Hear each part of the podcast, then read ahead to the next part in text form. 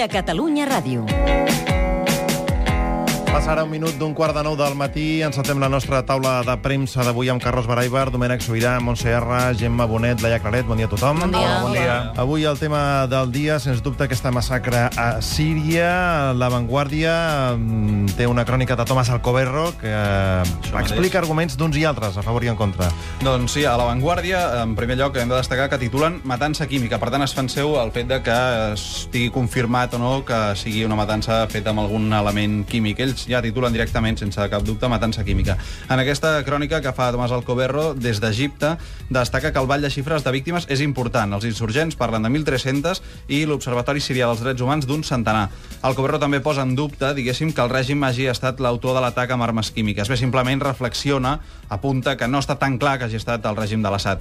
Hi ha arguments, segons ell, de diversos analistes que es pregunten per què el règim hauria d'atacar amb armes químiques ara, que està recuperant terreny, obtenint victòries militars, i a més, ara que té els observadors de l'ONU a Damasc mateix. Explica que el diplomàtic suec que lidera els observadors haurà de negociar directament amb el règim, poder anar a aquestes poblacions a veure si és cert que s'ha fet servir gas sarin, potser que és el que s'apunta que s'hauria fet servir. A més, diu que Síria és un cementiri per la informació i que l'oposició està permetent entrar a periodistes, mentre que a les zones controlades pel règim hi ha silenci, almenys pels mitjans occidentals. En una altra notícia, també a La Vanguardia s'explica que hi ha proves concloents de l'ús d'armes químiques tant per part d'alguns grups rebels com per part del règim de Bashar al-Assad. És molt complicat, certament, saber qui diu la veritat. En qualsevol cas, les fotos més eh, crues sobre aquesta matança les veiem al periòdico. Doncs sí, les eh, de l'interior, la portada és potser semblant a les que publiquen els altres diaris, però les de l'interior són de llarg les més dures de tots els diaris, per si algú les vol evitar. En aquest diari val a dir que hi ha un article d'Albert Saez argumentant aquesta publicació d'aquestes fotos i, segons eh, explica Saez, doncs, han considerat que les han de publicar perquè cal conscienciar a la gent que el que està passant a Síria és molt greu. Albert Saez, per cert, que ahir va posar en dubte la teva versió de Sí, la via, eh? No va posar en dubte, ell va dir la versió real, perquè la meva conjectura basada en res, segurament, no? Molt bé. Uh, continuem amb el periòdico. En el periòdico també afirmen que han fet s'ha fet servir gas tòxic i ho afirmen fonamentant-se en el relat d'un activista amb qui asseguren que van poder contactar per les xarxes socials. Aquest activista hauria estat testimoni de les desenes de morts provocades a diversos pobles de les rodalies de, de Damasc. El diari també recull el seguit d'opinions de líders internacionals i trobem destacable que el portaveu de la Casa Blanca va anar molt en compte de no reconèixer obertament que es van usar armes químiques. Recordem que els Estats Units van dir que si se'n feien servir, intervindrien.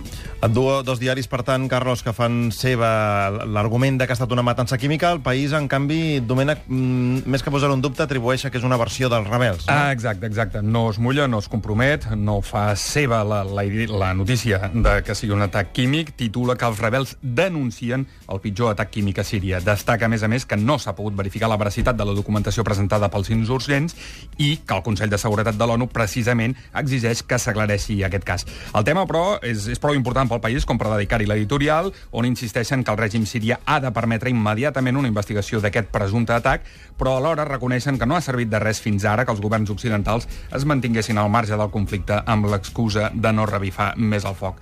El Mundo, en canvi, no diu res de Síria a la portada. És, eh, és potser doncs, doncs, un dels pocs diaris que, que no ho fa, és sorprenent. El primer titular és per Gibraltar. Diu que Espanya relaxarà els controls si Gibraltar pacta sobre la pesca. El missatge que va llançar ahir el ministre d'Exteriors, que segons el Mundo va deixar clar quina és la línia vermella per a Espanya. Ara parlem de Gibraltar, però acabem parlant de Síria perquè la Gemma de l'Ara volia destacar una piulada que recull aquest diari de Javier Solana sobre aquest tema. Sí, efectivament, Solana es preguntava en el seu compte de Twitter el següent. Ús d'armes químiques a Síria mentre els inspectors de l'ONU són a Damasc? Possible, però no probable. És el que deia ahir Javier Solana en una de les seves piulades i que recull avui el diari Ara.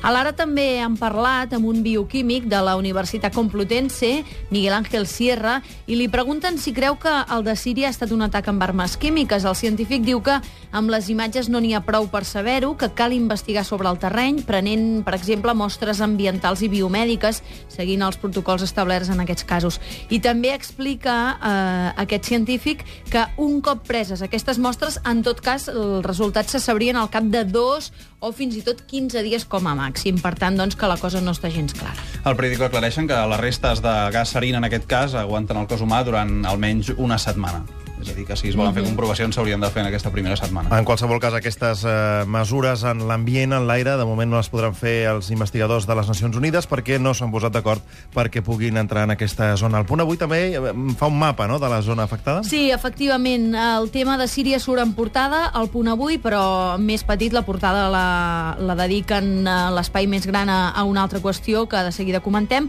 però com deies, en el cas de, de Síria diuen massacre a Síria sota la sospita de guerra química i a les planes interiors publiquen un mapa de la zona afectada per tot aquest atac. Són tot eh, barris situats als suburbis de Damasc.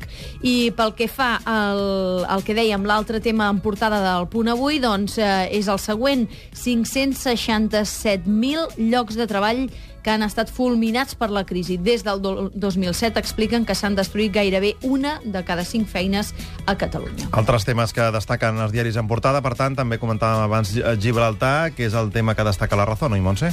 Gibraltar és el tema que destaca la Razón, eh, però també m'agradaria comentar que, com feia, el Mundo o no feia el Mundo, que de Síria ni una sola paraula a les portades d'aquests dos diaris, l'ABC i la Razón. L'ABC, eh, sorprenentment, dedica la portada a Raúl, exfutbolista del Real Madrid. La foto és un primer pla del jugador somrient i amb una barba de dos dies, i el titular eh, diu el Madrid me lo dio todo. A la secció d'esports trobem més frases d'un Raúl que sembla penedit, perquè diu hauria d'haver jugat millor i haver marcat més gols, o no em vaig acomiadar de la gent com hauria agradat. Recordem que Raúl va jugar al Real Madrid eh, durant 16 anys i en fa 3 que va marxar a Alemanya. Després de tant temps, el Bernabéu li retrà aquesta nit un homenatge amb totes les entrades venudes. I el tema del dia de la raó, com deies, és Gibraltar, amb aquest titular, els blocs de la vergonya, i amb una imatge submarina en què es veu un dels blocs de formigó al fons de la badia d'Algesires amb les punxes que destrossen les xarxes dels pescadors. Per cert, que la raó entrevista al ministre de Defensa, Pedro Morenés. Són tres planes de preguntes i respostes. El diari destaca dues frases. El que passa a Gibraltar és una agressió a Espanya i Europa i el govern espanyol portarà el conflicte fins al Tribunal Internacional si segueix incomplint la llei.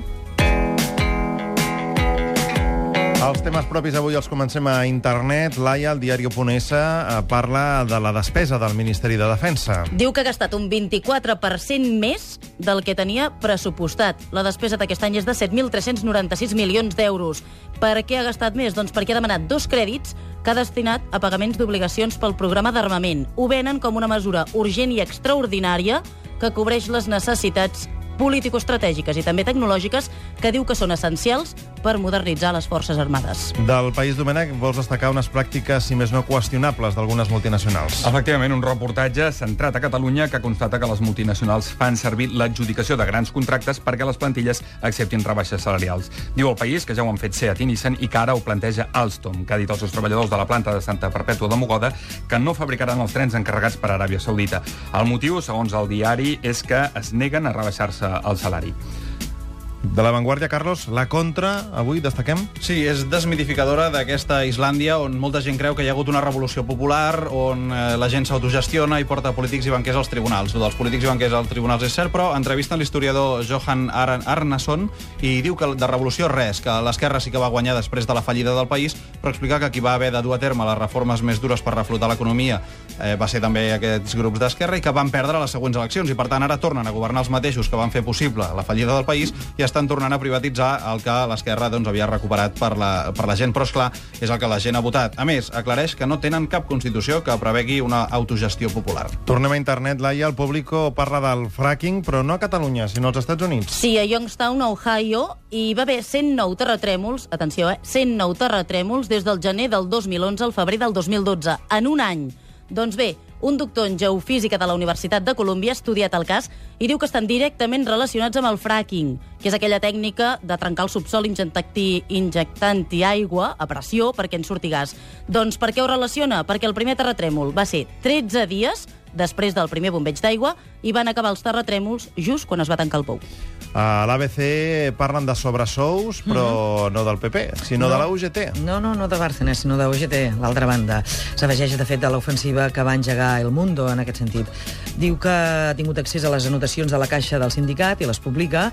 El diari assegura que entre el 2011 i el 2012 la UGT va pagar sobresous exempts de tributació a la seva cúpula andalusa. Segons el rotatiu, el sindicat va pagar aquests sobresous com si fossin dietes i despeses de desplaçaments. Les anotacions demostren entregues de diners cada mes, sempre en metàl·lic i amb les mateixes quantitats. Fem recorregut pel territori i comencem a Tarragona. Carme Casanyes, bon dia. Hola, bon dia. Què hi llegim als diaris d'aquí? Doncs l'explosió d'ahir a la pirotècnia de Vilarrodona acapara les portades dels rotatius. Tots destaquen que un material defectuós podria ser la causa de l'incendi. A part d'aquesta qüestió, els més destaca que detenen 17 joves a Salou i a la Pineda per provocar baralles multitudinàries. I el diari de Tarragona es fa ressò de la mort ahir a la tarda del dofí cap d'olla gris després d'estar encallat dos dies a la platja de Calafell. Anem a Girona. Isabel Joanola, bon dia. Hola, bon dia. Què destaques dels diaris?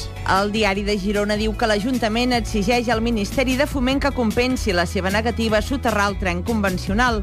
Demanarà que s'executi les obres de reposició del sector del Parc Central de Girona, afectat per les obres de l'alta velocitat. Per la seva part, el punt avui titula portada que els ocupes prenen xalets a Riells i Viabrea. Més de 16 xalets en diferents urbanitzacions i propietat d'entitats bancàries s'han convertit en la residència habitual de gent que no tenia on viure. Anem a Lleida. Roser Parera, bon dia. Bon dia. Què destaca avui la premsa de Ponent? Doncs el diari Segre destaca quatre columnes que l'amnistia fiscal fa aflorar més de 200 milions d'euros a Lleida. Afegeix que el gruix correspon a euros en caixes fortes o pisos a l'estranger, la majoria a Andorra. I la Mañana, en canvi, recull les declaracions del president de la Diputació de Lleida a la Universitat Catalana d'Estiu. El diari titula que Joan Renyer anirà a la cadena humana i espera que l'alcalde de Lleida, el socialista Àngel Ros, també hi vagi. I acabem aquest eh, recorregut a la Catalunya central. Laia Claret, què diu el Regió 7? Doncs obren portada amb el nou pla urbanístic que proposa l'alcalde de Manresa. Ja us hem explicat que es debat com hauria de ser, si renovar el centre o bé ampliar la ciutat pels afores. Doncs ara Junyent diu que busca més suport, es proposa aprovar el nou pla amb més d'un grup de l'oposició, perquè diu que seria un petit fracàs que aprovar un pla, una cosa així tan important, només amb la majoria mínima. I la imatge també la destaco perquè és per una parada amb volant de bolets. Titula que la pluja comença a fer sortir els primers al Berguedà. Els experts auguren que serà una temporada boníssima i que ja han començat a trobar els primers rovellons.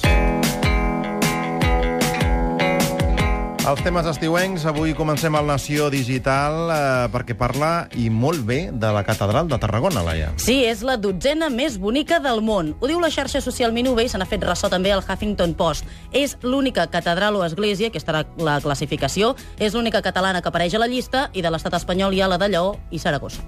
El eh, País, Domènec, una exposició de Da Vinci. Efectivament, un reportatge sobre una exposició de dibuixos de Leonardo da Vinci que es fa a Edimburg, o sigui que difícil per anar-hi ara mateix, però que demostra que l'artista, segons el diari, es va avançar 400 anys en l'estudi del cos. La Razón parla de la reina Sofia, Montse. Sí, parla de la reina Sofia i la seva faceta d'arqueòloga. De fet, que a la reina Sofia li agraden les relíquies no és cap secret. La Razón explica que per primera vegada s'han editat en espanyol els estudis sobre les excavacions que la reina Sofia va fer amb la seva germana Irene el 1959, quan eren jovenetes. La reina i la seva germana van certificar l'existència de Decèlia, que és la ciutat dels reis d'Atenes. Bueno, sent grega i filla de reis ho tenia fàcil, eh? Tenia alguna pista, potser. Sí, tenia alguna pista, exacte. El periòdico Carlos parla dels actors eh, de la televisió del món que més cobren. Ah, això mateix, publica la llista d'actors més ben pagats del món de la tele. Al capdavant de tots, Ashton Kutcher, que va substituir Charlie Sheen a Dos hombres y medio, la NBC li paga 750.000 dòlars per capítol. El segon és el protagonista de Navy, Investigació Criminal, hi ha un canal a la TDT que no para de fer aquesta sèrie. Després ja venen Han els fet tres... moltes temporades. Sí, després venen els tres protagonistes principals de The Big Bang Theory, John Galecki, Jim Parsons i Kali Cuoco, que cobren 243.000 dòlars per capítol. La següent dona és Claire Dance, la protagonista de Homeland, i la llista també revela que el que més cobra de Com conocí a vostra madre és el que fa de Marshall. El que hagueu vist la sèrie, Sí. doncs jutgeu si és el més valuós d'aquesta No. sèrie. Val. I ara, mm, acabat això, mireu les vostres nòmines, els que en tingueu, i penseu que els diners no fan la felicitat. Exacte. Però ajuda. Lara parla de Maria Sharapova, que s'havia de canviar de nom. Sí, sí, exacte. Doncs bé, els que sigueu fans de Maria Sharapova podeu estar ara ben tranquils perquè al final la tenista, doncs no, que no, no es canvia de, de nom, no. Per dir-se s'havia de dir Maria Sugarpova. Resulta que s'ho havia plantejat per tal de promocionar la seva nova marca de carmels, uns carmels que ven en forma de pilotes de tennis, de llavis, d'altres eh, complements. Doncs bé, Sharapova, per, per promocionar aquests carmels, volia dir-se Sugarpova. Fins i tot ja havia sol·licitat a la Cort Suprema de Florida que fes oficial el canvi de nom ni que fos almenys de manera temporal mentre durés l'Open de tennis dels Estats Units. No, No serà que Rússia avui és el dia dels innocents, eh? Doncs bé, no ho sé, però en tot cas, Ja ahir va sortir el seu representant i va dir que, que no, eh? Que, que... Això Sugar Segueix Poma no. igual. Que l'anunci ja l'hem fet. Va, acabem amb unes eh, polèmiques. Al Mundo n'hi ha una entre Bar Rafaeli i Pink Floyd. Sí, sí, la Barra Feli, que suposo que la recordeu, la model, exnòvia de Leonardo DiCaprio, doncs es veu que fins, uh, fins ara era molt i molt fan dels Pink Floyd i estava molt contenta perquè sortia en un vídeo d'un concert que va fer la banda. Fins i tot havia piulat que n'estava tan orgullosa. Doncs bé, Roger Waters, el líder del grup, ha escrit una carta defensant que es bloquegi a Israel pel conflicte amb, amb, amb l'autoritat palestina. I això ha fet que Rafaeli li exigeixi ara, eh, també molt enfàticament i per les xarxes socials, que la tregui immediatament dels seus vídeos. I acabem amb l'última polèmica. Són les polèmiques que organitza Carlos Baraibar al voltant del periòdico. Avui eh, se sorprèn de que a la mateixa pàgina hi hagi en banyador Giselle Bunchen i la duquesa d'Alba. Doncs bé, a les pàgines 22 i 23 del suplement d'estiu hi ha una notícia, les models més ben pagades del món, i la més ben pagada és Giselle Bunchen, per- i n'hi ha d'altres, i a la pàgina del costat hi ha Cayetana de Alba i el seu marit al costat en una foto a la platja. Simplement m'ha semblat destacable. L'Albert Saez li preguntarem la setmana vinent. Per què? Gràcies a tots eh, per la, per la taula de premsa d'avui. Bon dia. Fins ara. Adéu.